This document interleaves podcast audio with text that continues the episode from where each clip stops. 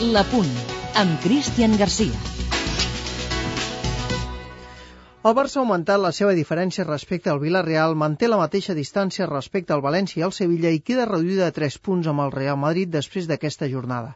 No cal alarmar-se, no cal que ens enyorem quan Iniesta i Messi no juguen. Tampoc no cal que ens torturem més del compte encomanant-nos a la mala sort si l'equip envia tres pilotes al pal en un partit, com el d'ahir, quan cal màxima efectivitat. El Barça d'avui és tan bo com el de fa quatre dies. És veritat que contra rivals en teoria més dèbils l'equip passa més angúnies que no pas quan juga contra rivals de més entitat, però el cert és que l'equip segueix compromès, concentrat i molt implicat en allò que ha de fer.